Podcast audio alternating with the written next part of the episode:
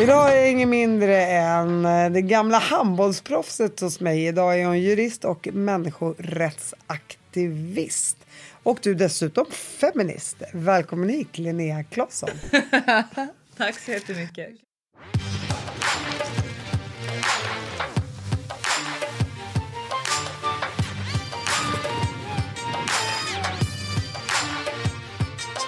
Hur känns det att vara här?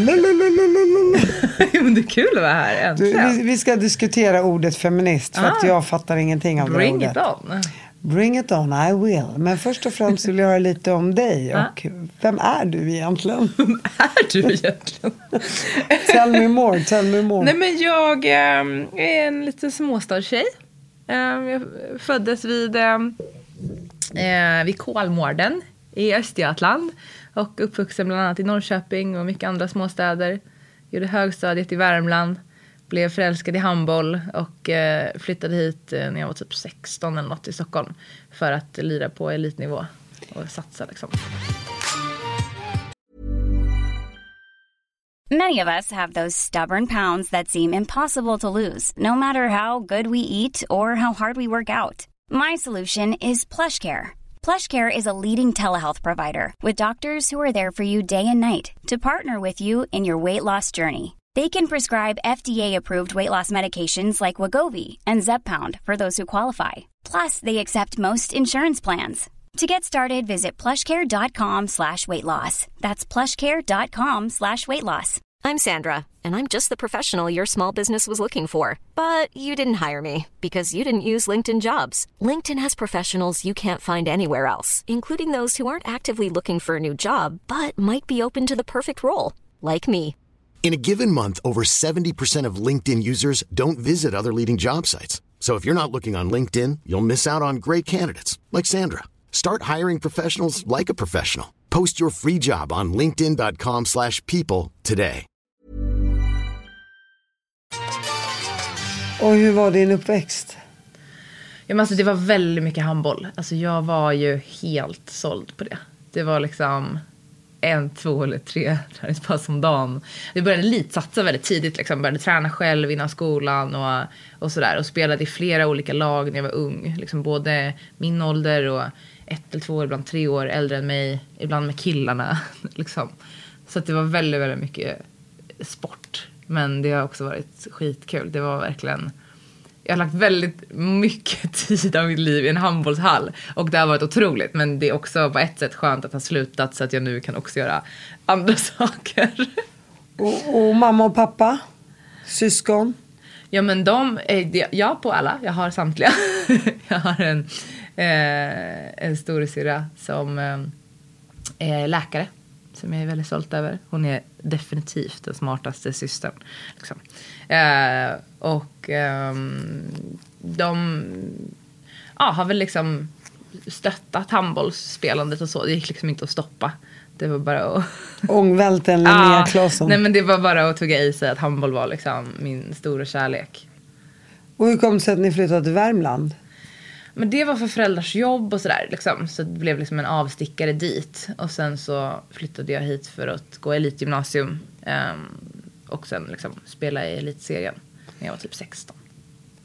Och hur har det gått då från handbolls elitspelare, ni har ju vunnit eh, junior-VM Mm. två gånger. Eller du har, du har varit med och... Vad spelade du? Vänsternia eller mitt? högernia, vänsterhänt. Ja, ja, okej. Vad spelade du? Du har också spelat handboll? jag, jag, det enda mina barn säger till mig är så här, ja, mamma, mamma skulle ha blivit handbollsproffs om inte bla bla bla. Alltså jag har ju bara hittat på att jag har varit ett handbollsproffs. alltså jag spelar mycket handboll. Jag tycker det är en superkul Så sport. jävla kul. Ja, och den, den är ju lite tuff också. Ja, den är smart, den är elak, den är, ja. den är skitrolig. Vad var är- du för position?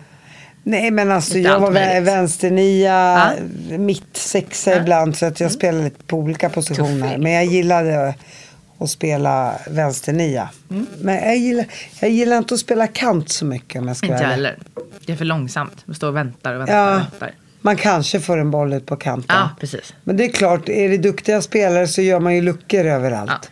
Det är som att spela schack. Ja, det är verkligen, handboll är verkligen som det. Det är väldigt smart spel liksom. Det, det, det är faktiskt Mm. det. Och man får ruffas och buffas. Det passar mig perfekt. Detsamma. eh, men, du, men det gick ju lite bättre för dig. Men det behöver vi inte prata om. eh, men tillbaka till dig Linnea. Eh, du gick ju ändå från handbollsspelare. När, när, när kände du att det är jurist jag vill bli? Nej men jag har liksom alltid velat bli handbollsproffs och jurist. Eh, för att jag var väl intresserad av eh, rättvisefrågor helt enkelt. Redan som ung, fastän jag inte riktigt hade det ordet för det då. Men eh, liksom mot mobbning och eh, att djur skulle ha det bra och sådär när jag var liten. Och eh, Alltså det var naturligt för mig så att det var liksom ingenting som jag gjorde eh, avsteg från handbollen för utan jag gjorde ju både och. Jag pluggade ju juridiken medan jag var handbollsspelare. Så det var liksom bara båda världar samtidigt. Och hur gick du då från jurist till människorättsaktivist? Ja, det, det har liksom skett också lite löpande. Kanske har varit det mest hela tiden på ett sätt. Eh, I och med att jag var intresserad av rättvisefrågor så tidigt. Men på något sätt så blev det väl att jag på min fritid började engagera mig i olika ämnen. Jag var intresserad av eh, för tjejer och killars liksom, or, orättvisor inom det spektrat och jämställdhetsfrågor redan som ung och även liksom, mäns våld mot kvinnor och sexuellt våld tyckte jag var viktigt att göra något åt. Sen så började jag engagera mig lite i hemlöshet och ehm, när flyktingkrisen eh, 2015 kom så var jag nere i Grekland i flyktingläger och hade en, startade en organisation som fortfarande finns kvar som ehm, hjälper människor på flykt som har kommit till Aten. Och, ehm, och så hade jag en organisation för hemlösa i Stockholm. Och eh, det här gjorde jag också liksom, jag pluggade juridik, jag spelade handboll och så gjorde jag det här på liksom min fritid. Eh, och eh, så det blev också bara löpande att det lades på grejer mer och mer. Och en av de olika projekten jag hade var att jag ville skriva om sexuella trakasserier på internet och då startade jag mitt Instagramkonto Assholes online. Och eh, det, det var inte alls liksom jag hade liksom ingen tanke att på just det projektet skulle bli stort. Utan jag liksom skrev om de här frågorna och um, kände ett behov av att prata om det här mer. Och sen så, typ över en dag, så blev det jättestort. Och uh, vilket möjliggjorde att jag kunde ägna mig ännu mer åt min tid åt mänskliga rättigheter och uh, använda juridiken för att kombinera det med liksom aktivism. För juridik, för mig känns det som att det handlar lite om att tillämpa lagen som redan finns. Och jag vill liksom använda min kunskap inom juridiken i min aktivism för att förändra lagarna så som de kanske bör vara och inte bara använda dem som de är. Och det är väl liksom så jag kombinerar de två stolarna. Liksom. Har du själv råkat ut för sexuella trakasserier? Ja, absolut. Det tänker jag alla kvinnor har, verkar det ju som. Eh, det Sen ingen- tidig ålder eller senare i livet? Nej, men både och skulle jag säga. Alltså jag tänker att inom eh, alltså, feminismen, som vi ska diskutera sen, så eh, brukar vi liksom använda paraplybegreppet liksom, sexuellt våld. Och inom det så finns det liksom allt från liksom, brutala våldtäkter till liksom, eh, penisbilder eller någon som tafsar på någon annan och säger balla balla på dagis. Liksom. Det är liksom inom rubriken sexuellt våld. Och där mellan något av det här så känner jag ingen som inte har åkt på det. Liksom. Så absolut.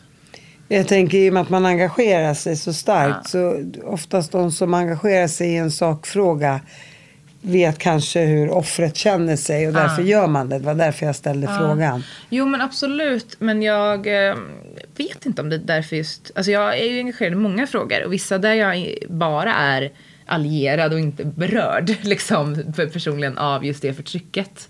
Eh, jag jobbar mot antinazism, antifascism, antirasism. Eh, en, liksom alla hbtq-frågor. Eh, men även, jag har jobbat en del med urfolks rättigheter och där har jag ingen koppling överhuvudtaget. Så att det är inte bara därifrån mitt, eh, mitt engagemang i de här frågorna kommer utan mer bara att jag tycker att det är rimligt att vi som människor spenderar vår tid med att försöka finnas för varandra. Jag tror liksom att det är... Du söker en rättvisa helt enkelt. Ja, jag tycker att det är ett rimligt sätt att spendera sin tid på. Jo men jag tänker det är ju otroligt att man gör det för att folk orkar ju inte. Nej. Det är ju det det handlar om. Man tänker så här, "Ha, vad, vad ska jag kunna vara med och förändra? Ah. Vad är det som gör dig så outtröttlig? Alltså jag är skittrött, men jag kommer inte sluta. Men jag är verkligen inte så att det inte går att trötta ut mig. Jag är riktigt jävla sliten faktiskt. Men eh, jag, eh, jag tittar väldigt mycket efter framsteg. Alltså i mörkret så letar jag efter stjärnorna. Liksom. Vad är det som går framåt? Var hittar vi hopp? Och tycker liksom att hopp är ett ansvar när uppgivenhet börjar bli en norm. Och därför så tänker jag att vi måste vara fler som orkar se att det finns en framtid. För hur ska annars, förlåt nu blir jag lite så brandtal men det här är viktigt för mig. Ehm, jag tycker det känns viktigt att vi vuxna håller någon slags anda och låga uppe. För att våra barn mår skitdåligt och har typ ingen framtidstro. Och eh, har psykisk ohälsa och vill ta livet av sig. Och det tycker jag är vidrigt. Och alla vuxna går runt och gnäller på att det är så tuffa tider. Det är så hemskt att vara vuxen. Det är klart de inte vill växa upp. Alltså jag känner att så här, vi bara nu är jag lite hård, men jag känner bara generellt att vi måste tänka oss för vad vi sprider för budskap vidare till nästa generation. Vad skulle du säga har varit den största framgången med eh, din aktivism då, eller vad man ska kalla det för? Det är väl lite så. Jag jobbar både strukturellt och individuellt.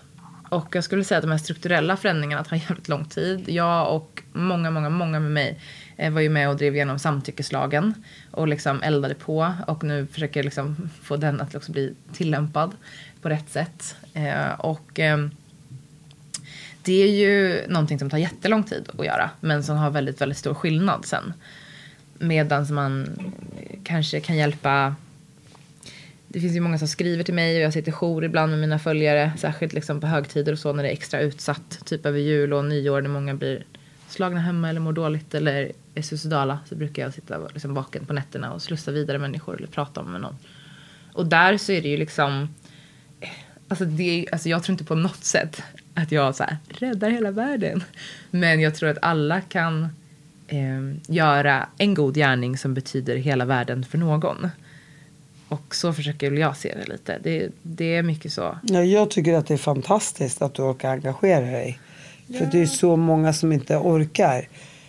På grund av att folk känner en uppgivenhet. Mm. Det räcker med att titta på kriget i, ja. på tv vilket krig det än är, mm. så, så blir folk till slut mättade. Mm. Precis, och det är väl det är lätt att bli det, att man liksom blir avtrubbad. Och det är det jag tycker på något sätt att det är ett ansvar att inte bli det. Utan ett ansvar att säga, okej okay, men ja, antingen skiter vi väl i det eller så försöker vi. Alltså det är så jag försöker. Liksom, jag tänker inte att jag så åstadkommer. Jag tänker att jag försöker. Och eh, med den inställningen så, så är, går det liksom att fortsätta. Eh, utan att tänka typ att man failar hela tiden. För det är såklart på ett sätt så eh, failar jag så fort en kvinna blir mördad, så fort ett barn är ledset, så fort liksom en man super ihjäl sig. Allt det tycker jag är fruktansvärt för det är emot det jag vill sträva efter. Men det är ju en riktning och jag kommer liksom aldrig lyckas. Men jag tänker att jag och massa andra som jobbar eh, med det här ideellt också bara Alltså vi försöker bara, men i kategorin de som försökte och de som inte gjorde det så vet ju jag i vilken av dem jag vill vara. Vad har du fått det här engagemanget ifrån? Kommer det från dina föräldrar? Jag vet inte riktigt. Jag tycker att det är jättesvårt att svara på vem man är. Eh, och varför man har blivit som man har blivit. Det är väl liksom en liten blandning av allting tror jag. Men eh, jag har haft, eh, jag kommer från en arbetarklassläkt där ja, men, det var väldigt naturligt att hjälpa människor. Eh, min farmor bland annat jobbade på äldreboenden och min mormor var frisör och att vara frisör är också väldigt mycket att lyssna på andra och ta med, stötta andra och, och sådär. Eh, och, ehm, så att jag har haft mycket människor runt mig där det har varit väldigt naturligt att det här är någonting som man gör, man hjälper till och så. Det är rätt intressant för eh, jag går och fixar mina naglar och fötter på Östermalm. Ah. Och där går det ju väldigt många rika kärringar och hej och hå. Och då brukar jag alltid så här, jag, jag, jag har sagt det till eh, henne som jag går till att jag skulle vilja vara en fluga på väggen och bara höra om alla människors liv här. För hon får ju höra precis allt. Precis. Och då kan jag ju eh, säga det att det är inte så att problemen där är mycket mindre än problemen någon annanstans. Nej. Alla människor behöver ju liksom Mm. tömma sin bajspåse eller vad jag ska kalla det för. Ja, men, de det- blir ju lite psykologer. Liksom. Ja, ja, men Ja, jag, jag, förstår, jag förstår Ja. verkligen att, eh, att man blir det när man jobbar som frisör eller tar hand om folk eller sitter och pratar om livet. Och, Människor är ju sådär när de väl slappnar av lite då får de feeling och prata kanske. Precis. Men jag säger så alla behöver prata av sig. Det är inget konstigt. Man kan göra det med vänner, med familjen, Mm. med en psykolog. Va- När någonstans på vägen blev du feminist? Och vad betyder ordet feminist? Alltså, Så här, ja, lika lön för samma arbete, absolut. Men vad är det att vara feminist? alltså feminist eh, för mig innebär att man tycker att människor har, ett- har lika värde. Det betyder att man tycker att oavsett kön, eh, bakgrund, kultur, sexuell läggning, ålder, bla bla bla, ska ha samma rättigheter och skyldigheter. Det är det det betyder för mig. Och eh, jag är feminist av två anledningar. Den första för att jag älskar män. Och i liksom den här eh, verkligheten som vi har skapat för oss där ehm, män har sina könsroller och kvinnor har sina könsroller. Då blir det ju så att eh, så fort en, en pojke föds då ska han liksom leva sitt lilla liv i könsrollerna i den blå lådan. Och i den blå lådan så in, eh, innebär det en massa egenskaper. Vissa grejer är fördelar och vissa är nackdelar. Precis som i den rosa lådan. Och nackdelarna med eh, att födas till man och att vara kille i det här samhället är ju bland annat en större våldsutsatthet, att inte kunna eh, våga söka hjälp, att ha svårt att uttrycka sina känslor, att när man gråter när man är liten får man höra att man ska bara skärpa sig, eh, att ha otillgängliga liksom, relationer med sina föräldrar, eh, att känna sig ensam, deprimerad, missbruka mer, hamna lättare i hemlöshet och fler killar tar livet av sig. Och jag tycker att det här är så jävla vidrigt. Att det är så många män och killar som mår så dåligt i vårt samhälle idag. För någonting som de inte hade behövt just för att de är så ofria att leva sina liv som de vill. Och det jag önskar är att befria män eh, från sina egna bojor. Liksom. Och jag skiter i om de här männen vill vara liksom, macho, macho man. Liksom, om du som man vill ha typ, du vet, så här, nidbilden av en man. Du vet, det ska vara motorcyklar och fotboll och bilar och skägg typ. Och absolut grå hudvårdsprodukter, inte rosa. Alltså om du vill vara den mannen, absolut. Om du vill vara helt på andra skalan, var det. Alltså jag skiter i, du kanske vill blanda lite. Det viktigaste för mig är, som feminist, att du får möjligheten som man att välja själv så att du kan forma ditt liv som du vill. Och det är därför jag kallar mig feminist. Och den andra anledningen är för att jag älskar kvinnor. Och i den rosa lådan, när flickor föds, så finns det också fördelar och nackdelar. Och där de yttersta nackdelarna, förutom liksom helt andra löner och eh, inte kunna bli chef och alla sådana här olika eh, glastaken som vi vet om, så är ju udden på något sätt mäns våld mot kvinnor, killars våld mot tjejer. Att typ var tredje vecka i Sverige så blir en kvinna mördad av någon som hon har älskat. Eh, och att den vanligaste platsen att bli mördad på som kvinna är i sin egen säng. Alltså jag står inte ut med det. Jag tycker det är så jävla vidrigt. Och för våra döttrars skull, för allas vänners skull, alla ens släktingars skull, tycker jag att det är rimligt att spendera sitt liv med att försöka göra i alla fall någon skillnad för någon. Liksom. Och för mig är det feminism. Har du någon vän som har blivit utsatt? Alltså, alla kvinnor jag känner har blivit utsatt för någon form av sexuellt våld. Jag tänkte med misshandel, blivit slagen. Ja, ja absolut. Massa kvinnor. Ja, men jag, jag tänker, det har ju du med. Alltså, jag tänker, det är ingen som inte har det. Alltså, det är ju alltså, det är alltid Ja, någon det som har har alltid blivit funnits så här tafsad fu, på. fyra, fula gubbar tänkte man Ja. växte upp. Nej, men alltså, men- Det är alltid någon som har blivit tafsad på på krogen, varit rädd när man gått hem, fått skamliga förslag, fått kukbilder, haft en obehaglig, opassande chef eller kollega, eh, haft en kontrollerande kille. Allt det här är ju liksom olika former av liksom mäns våld mot kvinnor. Alltså det sjuka är att jag, jag, jag har aldrig haft en kontrollerande kille. Nej. Jag vet inte om det är för att jag, jag skrämmer iväg dem. Men Någonting är det ju. Ja, men du har säkert blivit tafsad på någon gång på krogen. Alltså det är någon, Ja, liksom, säkert, absolut. liksom- jag tänker det är så normaliserat. jag- det jag- finns jag- ju Ja, runt det oss. kanske är normaliserat. Eller det var väl det innan där metoo-grejen. Ja. Och så här, ja, säkert någon. Och sen har jag typ slagit tillbaka någonting. Ja. Eller jag, jag vet inte. Alltså, jag kommer faktiskt inte ihåg. Nej. Eh, men jag tror också att jag... Jag utstrålar tydligen någonting, jag vet inte, som är kom inte nära mig. Mm.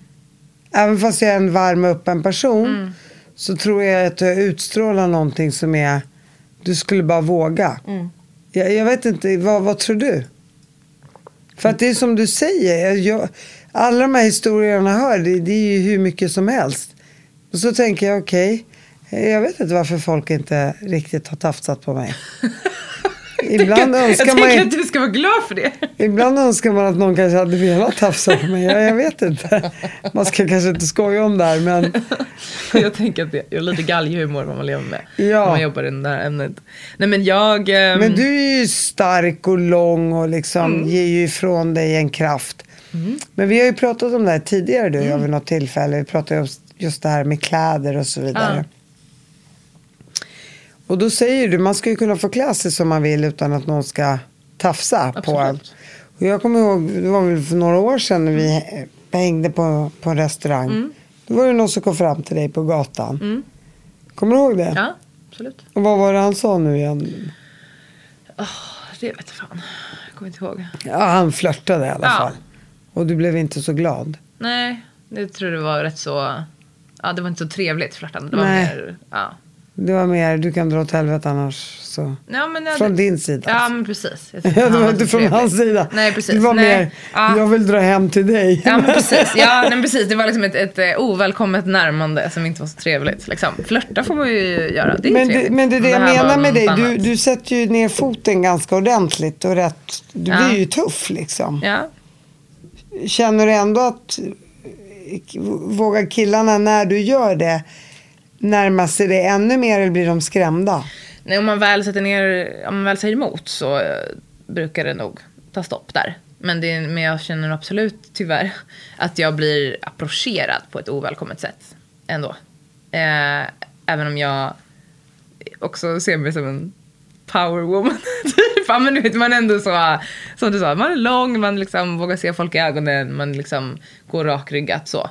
Eh, men, eh, nej men jag, fan jag har åkt på så mycket skit över åren. Men det är som sagt, det är ju ing, alltså absolut ingenting som är unikt för mig. Nej, alltså, nej, det är nej, ju snarare unikt om man känner att man inte har eh, blivit utsatt för så mycket skulle jag säga. Nej. Alltså, men och sen är det ju också som sagt i olika allvarlighetsgrad. När, eftersom jag jobbar inom det här och alltså, vi har ju liksom en definition av sexuellt våld och när vi pratar om det så kanske alla alltid tänker jaha våldtäkt typ, men det är inte det jag menar utan det är verkligen ett, ett helt spektra från alltså, olämpliga kommentarer och um, beroendeställningar och, och massa sånt som kan liksom innebära eh, våld inom den här liksom, genren vi pratar om. Liksom. Och sen kan man ju också säga att om man stoppar det på tidig nivå då kanske färre kvinnor mördas och så vidare. Precis. Att om man, om man ändrar sitt synsätt på för hur man får bete sig mot en man Mm. eller en kvinna så, så, så kanske det inte går så långt utan att straffen ska vara tydligare tidigare också. Ja. Och att man ska kanske lyssna mer på de som blir utsatta för Mm. ja, bland annat våld i hemmet eller om det händer något på krogen och så vidare.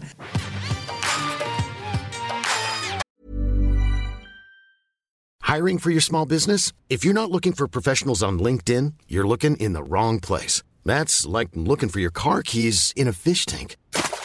LinkedIn helps you hire professionals you can't find anywhere else, even those who aren't actively searching for a new job but might be open to the perfect role. In a given month, over 70% of LinkedIn users don't even visit other leading job sites. So start looking in the right place. With LinkedIn, you can hire professionals like a professional. Post your free job on linkedin.com/people slash people today.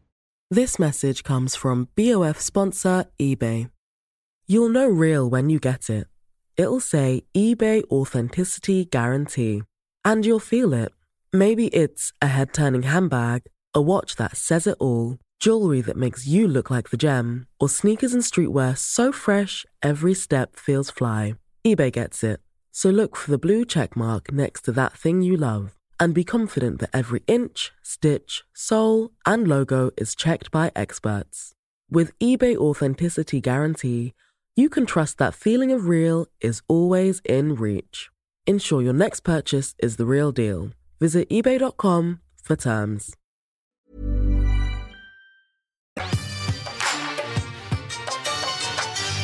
Du rakar inte benen till exempel. Det är ett sätt att säga jag är feminist. Jag bara undrar. Nej. Nej, det är verkligen inte det. Men jag tycker att det är roligt att du frågar. eh, nej, jag skulle nog säga att eh, huruvida en kvinna har håriga ben eller inte har absolut ingen, inget att göra alls med hennes politiska värderingar eller människosyn. Liksom. Utan... eh, Nej, jag bara tänkte om det var en ståndpunkt, men det är det inte. Du tycker det är snyggt helt enkelt. Nej, jag, ty- jag, tycker att det är, jag tycker att det är lite sexigt för att jag tycker att det är lite fuck offigt. Och det verkar ganska mycket män tycker jag också faktiskt. Det, det är lite roligt tycker jag. Både män och kvinnor verkar tycka att det är otippat nog. De blir så förvånade själva. Att för det är lite så... eh, fuck off. Jag rakade ju inte benen förrän åttan. Men det var inte förrän en kille i min klass sa att han hade en gräsklippare hemma som jag, jag kunde få låna. Nej. Jag vet, så jag bara kom hem och bara mamma vaxa mina ben. Nej, var taskigt. Jag vet. Fan. Är det också Ja. någon form av våld mot kvinnor kanske? Fan, det är mobbning i alla fall. Ja. Jävla svin. Jag var rätt större också i och för sig. Men det var, det var första gången jag vaxade benen. Ja. Mm. Och vi gjorde sån här hemmavax. Eller mamma Ja, gjorde det. fy fan vad ont det är. Ja, det gjorde sjukt Men ont. sådana där kommentarer sätter sig ju. Fan. Ja, jag pratar ju om det nu i podden. 30 Ja, år exakt. senare liksom. Ja. Men eh, bara så här en liten rolig an- anekdot från förr i tiden.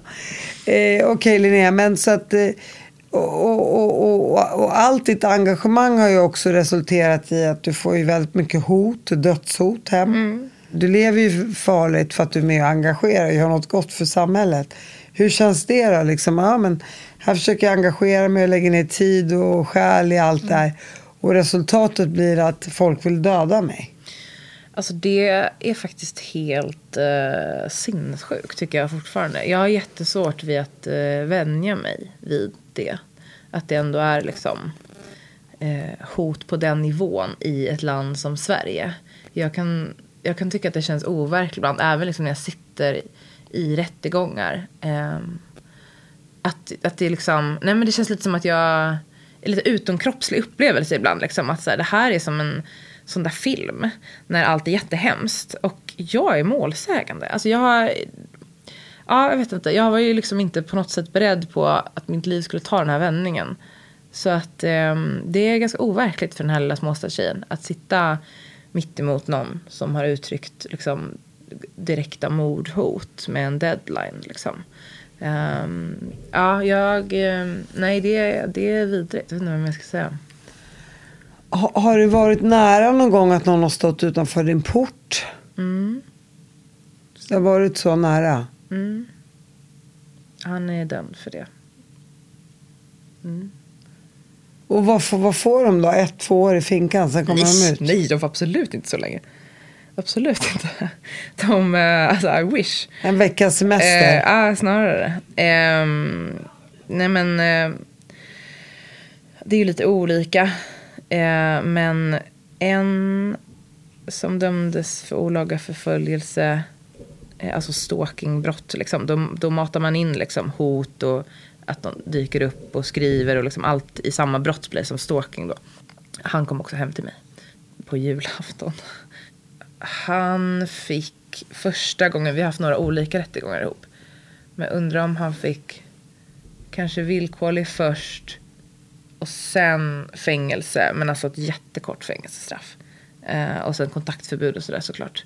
Och när de har kommit ut då, har de kontaktat dig igen? Eh, det är blandat. I, eh, i- Så vissa gör blir inte avskräckta heller? Nej, nej, nej, nej, nej, nej. Alltså en, en av dem, jag tror han överskred sitt kontaktförbud typ så här, över 60 gånger eller någonting. Alltså det var bara ett skämt. Jag bara, vad ska jag med det här pappret till? Hur hjälper det mig? Men eh, ja, så det är lite, lite blandat. Medan andra verkar vara nöjda efter en rättegång. Men, men alltså så här, jag fattar inte det. Han, han blir dömd och så, så ska han staka dig 60 gånger till efter Mm. det. Perfekt. Men hur, vad har han för liv liksom? jag bara undrar varför. Men, men är, är alla stalkers farliga?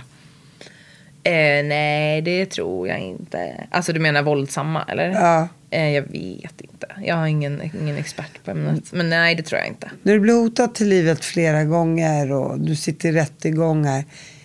Det, det är ändå ett mod att fortsätta göra det du gör.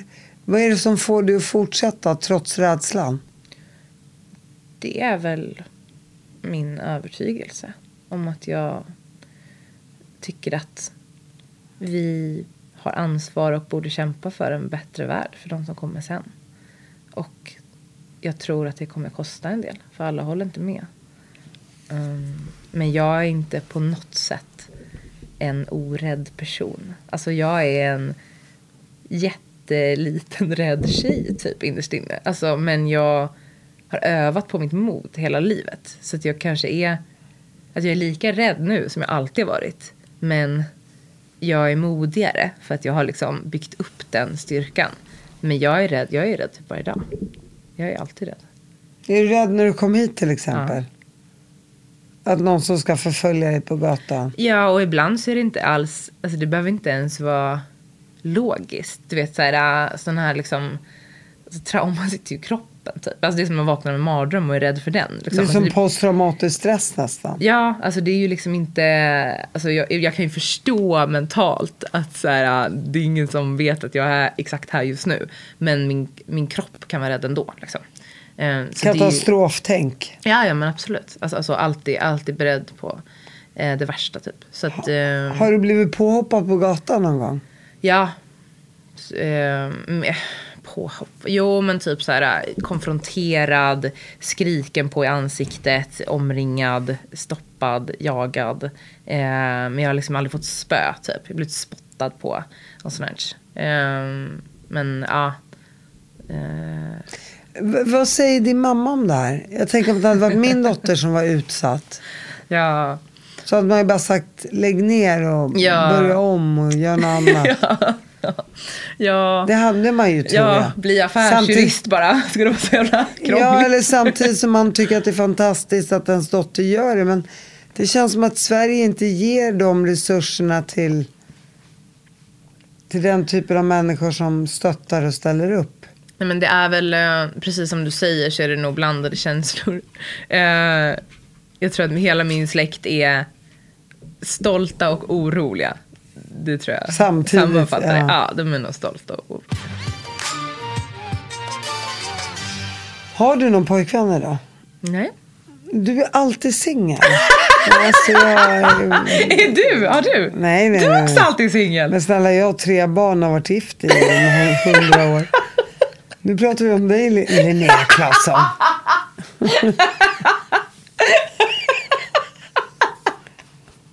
Du är alltid singel. Det en diss. Ja, det är sant. Ja. Hur gammal är du? Det känns som att det här kommer bli en kontaktannons från Ja, nu. ja, ja. Jag är 31 år gammal, jag röker inte, barnfri, Du ser. icke-pälsallergiker. K- klippt och skuren för vilken man som helst.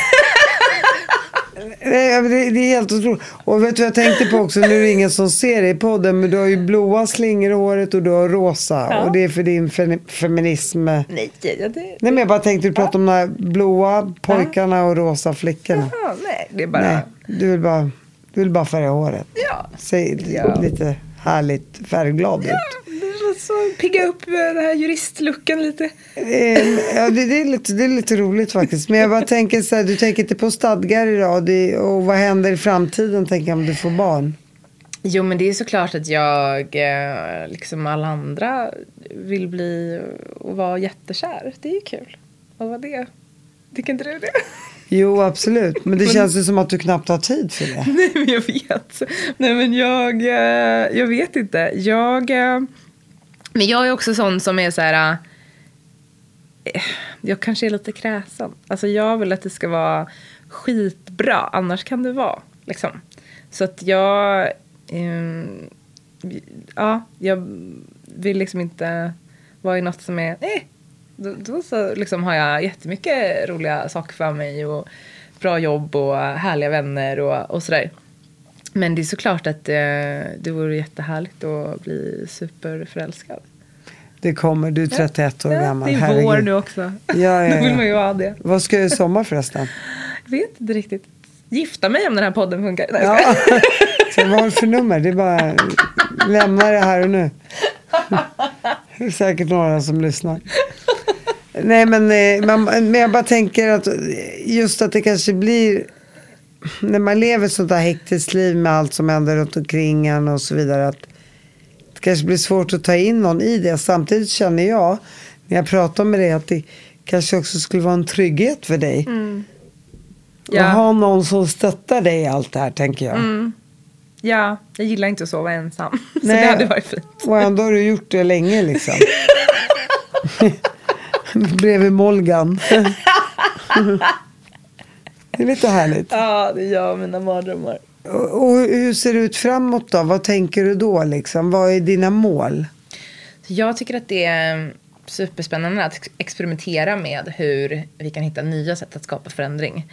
Hur vi kan samarbeta över flera olika områden. Att kanske civilsamhället kan arbeta mer med näringslivet eller med politiken eller journalistiken och se hur alla de här områdena där många och de allra, allra flesta vill samma sak. Liksom. Demokrati, jämlikhet, eh, fred och se hur vi kan dra tillsammans. Så sådana eh, projekt är jag jätteintresserad av, både i Sverige och utomlands. Och, eh, jag var och talade på en fredskonferens nyligen i Nordmakedonien som också var så internationella samarbeten där vi också eh, experimenterar med hur man kan gemensamt skapa liksom en bättre värld och därav få lite mer muskler av samarbete.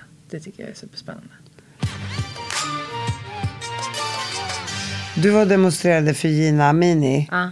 Persiska flickan, kurd-persiska flickan som blev mördad i, i Iran. Iran. Mm. Eh, och det tycker jag på något sätt är häftigt att du som svensk engagerar dig så mycket för ett annat land. Eh, berätta, varför gjorde du det? Jag tänker att det är självklart. Eh, jag har inte tänkt så mycket i de banorna. Alltså, nu, gud, nu låter jag som en så anarkist, men eh, alltså nationsgränser är ju påhittade. alltså allt är ju påhittat, men nationsgränser kan jag tycka ibland känns särskilt påhittat. Fast jag förstår hur du Eh, tänker. Ja, och att eh, jag brinner för eh, mänskliga rättigheter och eh, mitt hjärta klappar ofta hårt för eh, just kvinnor. Och eh, ja, det, fanns, det finns liksom inget frågetecken i det. Det är bara en självklarhet. Liksom. Känner du Alexandra Pascalidou? Mm. För hon har ju också varit med om mycket dödshot och, och, och nazister som jagar en. Var, hon är ju invandrarkvinna då i grund och botten. Du är ju ändå svensk. Varför tror du att du också blir jagad av nazisterna? Alltså jag tror att jag så tydligt har uttryckt åsikter om ehm, flyktingmottagande, om eh, mänskliga rättigheter, om antirasism och mångfald. Och eh, det har väl eh, drivit dem till vansinne. så att jag antar att det är det. Men, Har, ja. har du pratat med Alexandra om det här? Ja, alltså vi, ju, vi var förut eh, ambassadörer båda två för samma organisation, Kvinna till kvinna, som jobbar för kvinnors rättigheter i krig. Så vi har setts flera gånger. För det kan vara skönt ibland att dela med sig av Ja, verkligen. Det är skönt sina erfarenheter och allt vad det är. Du känner inte för att komma in i politikens värld? Så jag är inte partipolitisk. Jag är ju väldigt politisk. Men jag är inte partipolitiskt intresserad överhuvudtaget. Och eh, har inte varit det. Utan jag tycker snarare att mina hjärtefrågor som är liksom medmänsklighet, civilkurage, jämlikhet borde liksom lyftas rakt igenom spektrat av partier. Det är ingen höger eller vänsterfråga med mänskliga rättigheter. Tycker jag. Kan du tänka dig att jobba utomlands? Mm, absolut. Jag är rätt sugen på det. Sticka bort då någonstans? Jag kanske hakar på. Vi drar bara. Vi bara drar. Ja, vet inte. Vart Lämnar det här kalla vädret och Ja. drar. drar och dejtar i, några, i något varmt land. Vad skulle du vilja dejta i något varmt land? Nej, men du vet hur det kommer gå för mig. Jag snackar bara och sen så kommer jag fortsätta vara själv i mitt lilla kloster. Jag kanske ska bara åka till Vadstena och flytta in där.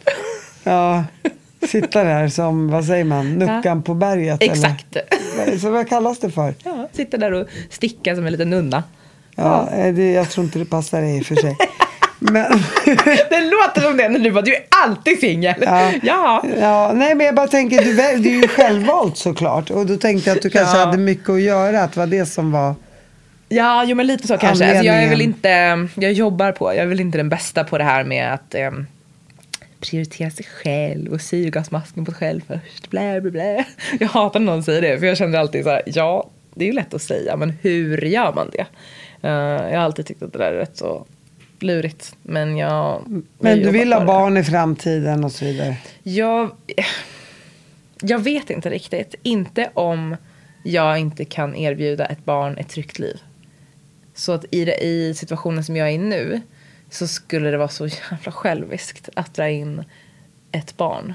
Så det, jag tycker inte att det vore ansvarsfullt. Så inte just nu. Kan du några... Vet du några organisationer som du med hjärtat kan säga att de här borde man börja stötta? Ja, absolut. Eh, Jag, bland annat Kvinna till kvinna. Och det vet jag för att jag har varit eh, alltså ambassadör ideellt för dem i flera år. Jag har varit på plats i länderna och sett hur de jobbar. Så jag vet att pengarna verkligen kommer fram. Och eh, sen så jobbar jag också med Regnbågsfonden. Som jobbar för hbtq-rättigheter. Som också gör ett otroligt viktigt arbete. Så det vet jag verkligen. Det kan jag gå till godo för liksom. Ehm, att de gör otroligt bra saker. Så glöm inte det, kvinna till kvinna och HBQT, Mm, Regnbågsfonden. Regnbågsfonden. Vi, vi hjälper dem också killar utomlands? Mm, absolut. Eller hur? Mm, absolut. Det, det, det, Jonas Gardell är väl med där? Eller är Mm, helt det borta i stämmer. huvudet? Jonas Gardell och Fredrik Robertsson och ett bra gäng. Som jobbar aktivt med Mm. det här. Precis. Hur ser ditt liv ut om fem år? Jag vet verkligen inte. Alltså jag har verkligen ingen aning. Jag, eh, det enda som känns säkert för mig är att jag kommer göra någonting som handlar om mänskliga rättigheter. Men om det är utomlands eller i Sverige på en myndighet eller liksom in, på marken i en konfliktzon. Jag, jag har absolut ingen aning. Eller om jag kör ännu mer juridik. Jag är inte säker. Du, du då? Om Livet- fem år? Livet är, eh, vad säger man, det, det är en tunnel och man vet inte vad som väntar där utanför. Exakt så. Men den är ljus, Ja, tänker jag. Jag hoppas det. Nej, jag, alltså jag har ju fått mina tre barn och jag har gjort hela den där grejen med, så hur ser mitt liv om fem år? Ja. Ingen aning. Vad har du för drömmar? Vad längtar du? Jag, jag, vet- jag, jag, det var en bra fråga. Mina drömmar handlar mest om mina barns drömmar skulle jag säga. Alltså man lever lite grann genom barnen. Inte på ett sånt där... eh, Det är inte så, åh, min min, alltså barnens lycka är ju min lycka självklart. Men det är inte så att man inte vill ha sin egen lycka. Men Nej. mycket av barnens framgångar blir ju ens egen framgång. Så man lägger mycket tid och energi på att det ska gå bra för dem. Vad längtar du efter då, som bara skulle vara för dig? Ja, nej men jag, jag, tror jag, har, jag tror jag har det ganska bra tänker Good. jag. Sen tänker jag också så här, nu är du 31 år, du är alltså 14 år yngre än vad jag är. Och nu låter jag vet som en gammal tant. Och det är jag inte, det vet du att jag inte är. Men, Jag sa det inte. nej. Men jag känner mig lite så här. Jag orkar inte lika mycket som för 14, 13-14 år sedan. Alltså jag, tempot går ändå ner lite Mm. grann. I det här ha-begäret också. Så här. Och så andra världen, barnen, de börjar bli äldre och så Mm. vidare. Så att, sen vill man ju såklart kanske träffa någon och känna att så här, wow, Mm. känna det där. Men, men jag har ingen stress över det. Nej. Och det kan nog vara för att man har gjort den här resan också. Mm. Och är färdig med den, tack och lov. Det var som någon frågade mig häromdagen, bara, kan du tänka ett barn till? Och jag bara, herregud, jag står inte ens ut med mig själv, ska jag stå ut med en till unge liksom? Dejtar du något då, eller får man inte fråga det? Jo, du får fråga det, men nej det gör jag inte. Varför inte? Jag dejtar inte. Varför inte? Eh, nej, för att jag har tre jobbiga barn. Nej, jag skojar. nej, då. nej då, men det kommer. Är det det vi ska göra i sommar då kanske Martina? Dubbeldejt? Dubbeldejta. Blind double date. Vi blir ihop istället. Vad mysigt. Chocken. elchocken. Ja, vi får se. Det är kul att röra om lite. Vi, vi, vi, får, vi får röra om lite i Ja, vi grytan i sommar så får vi se vad som Ja. händer. Hittar vi ingen under sommaren så går vi på dejt i höst. Du och jag. Ja. Vem bjuder ut vem? Ja, ja, jag har inget problem med åldersskillnad, det vet ju du. Tack för att du kom hit. Tack så jättemycket. Tack.